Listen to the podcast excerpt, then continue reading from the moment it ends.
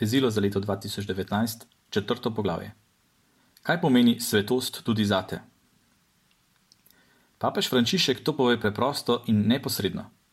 Potem, ko je zatrdil, da za to, da si svet, ni potrebno biti škov, duhovnik, redovnik ali redovnica, doda: Vsi smo poklicani biti sveti, ko ljubimo in ko vsak dan pričujemo z vsakdanjimi upravili tam, kjer smo. Ali si posvečen ali posvečena oseba? Bodi svet tako, da z veseljem živiš svojo podaritev. Ali si poročen, poročena? Bodi svet tako, da ljubiš in skrbiš za svojo ženo oziroma moža, kakor je to storil Kristus za crkvo. Ali si delavec? Bodi svet tako, da pošteno in strokovno upravljaš svoje delo v službi bratom. Si oče, mati, dedek ali babica? Bodi svet tako, da potrpežljivo učiš otroke hoditi za Jezusom. Ali imaš oblast?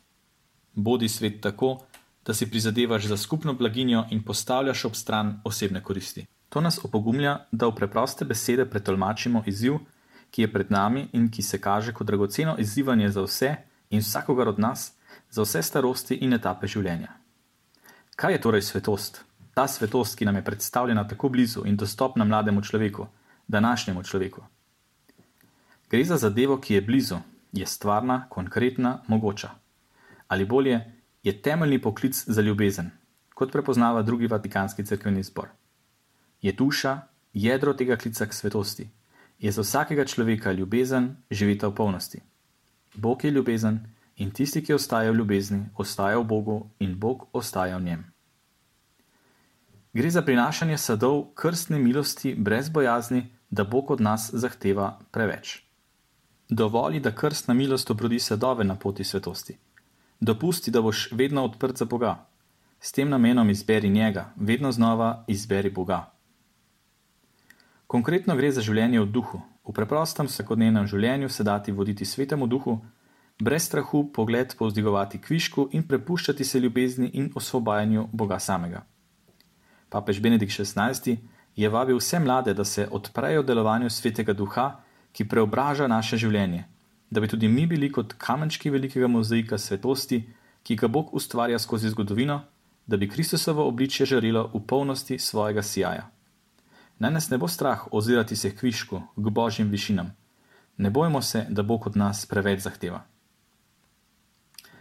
Gre za to, da smo zadovoljni svetniki, kajti Bog si nas je tako zamislil.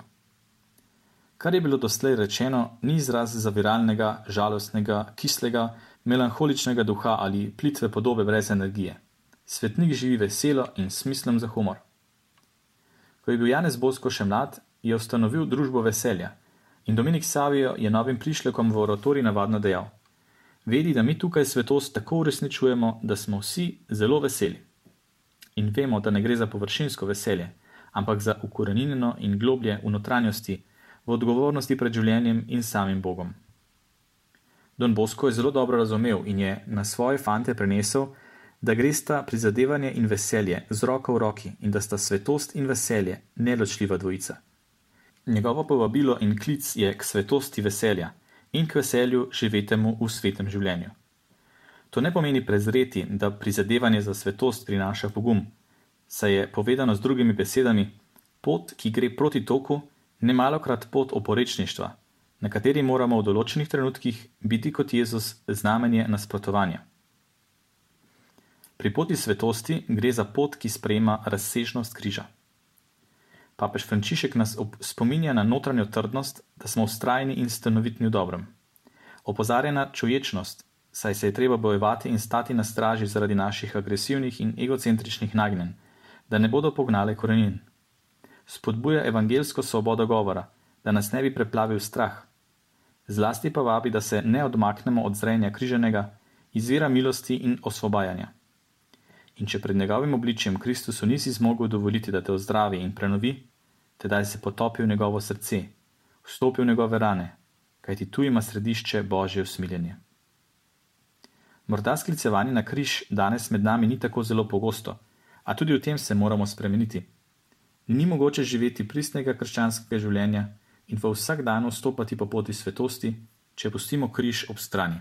Ker sem med zadnjo sinodo sodeloval pri kanonizaciji svetega Pavla VI.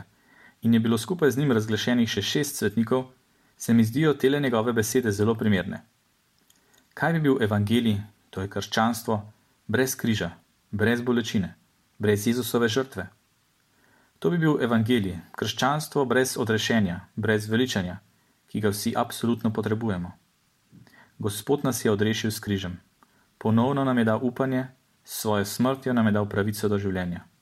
Nositi križ, velika stvar, velika stvar, predragi sinovi. To pomeni pogumno se spoprijeti z življenjem, brez mehkužnosti in strahopetnosti. Pomeni nepogrešljive težave našega bivanja preoblikovati v moralno moč, pomeni znati razumeti človeško trpljenje in končno znati zares ljubiti. Gre za življenje svetosti, ker ne odteguje lastnim dožnostim, zanimanju, razpoloženju, ampak vse to povzema v ljubezni. Svetost je izpopolnjenje ljubezni in odgovarja na temeljno človeško potrebo, da je ljubljen in da ljubi. Toliko bolj svet, kolikor bolj moški in ženska, saj življenje nima poslanstva, temveč je poslanstvo samo. Svetost je potem takem pot počlovečenja. Potrebujemo duha svetosti, ki bo prepojil našo samoto in naše služenje, našo notranjost in naše prizadevanje za evangelizacijo da bo vsak trenutek izražal našo darujočo ljubezen v gospodovih očeh. Tako bodo postali vsi trenutki stopnice na naši poti k svetosti. Svetost zato se opada s polnim razcvetom človeškosti. Ne pomeni kakšne poti, ki ne bi bila prizemljena, ampak dopušča, da človek če dalje bolj polno in zares doživlja človeškost sebe in svojih bratov. Na obrazu pravega svetnika se vedno jasno razbere moški oziroma ženska, kakršen je, z vsemi čustvenimi, duševnimi, intelektualnimi in odnosnimi lastnostmi, ki ga opredeljujejo. V svetnikih postane očitno, kdor se napoti k Bogu, se ne oddaljuje od ljudi, ampak jim postaja zares blizu. Že sedaj vas vabim, da ko bomo ob koncu razlage vezila govorili o naših svetih, blaženih božjih služabnikih in častitljivih iz naše selezijanske družine, da se spominjamo dragocenega pričevanja, ki nam ga dajo s svojim življenjem. Že sam Don Bosco je v svoji veliki človečnosti bil prvi, ki je poiskal, zdravil in pomiril fante, ki so prihajali v oratori, potem ko so doživljali težke razmere čustvene revščine, ekonomskih nevšečnosti, osirotelosti in zapuščenosti.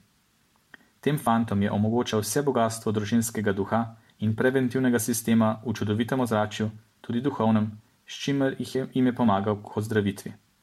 Takšne rane so se pozdravile zaradi Don Boskove očetovske drže družinskega ozračja, veselja ter poti vere in prijateljstva z Jezusom, k kateremu je Don Bosko vodil svoje fante.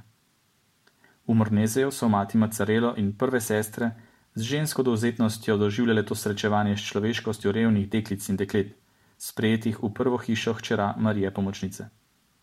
In tako se je naša zgodba ponovila v toliko vejah naše seledejanske družine s tipično našo potezo, ki je tudi evangelska in ki nam je dopustila zauzeti se in ozdraviti človeškost vsake osebe, s katero smo se srečali. Gre za svetost, ki je tudi dožnost in dar, to je poklic, odgovornost, obveznost in dar. Svetost je udeleženost pri božjem življenju, ni moralistično razumljeno izpopolnjenje, ki bi mu bilo lastno, da se ga da doseči zgolj z lastnimi napori kajti sveto življenje v prvi vrsti ni sad našega napora, naših dejanj. Bog, trikrat sveti, nas napravlja svete po delovanju svetega duha, ki nam v notranjosti daje moč in voljo. Svetost je obveznost in odgovornost. Je nekaj, kar lahko storiš samo ti. Nebesa naj ti naklonijo, da boš lahko spoznal, katero besedo, katero Jezusovo sporočilo želi Bog povedati svetu s tvojim življenjem.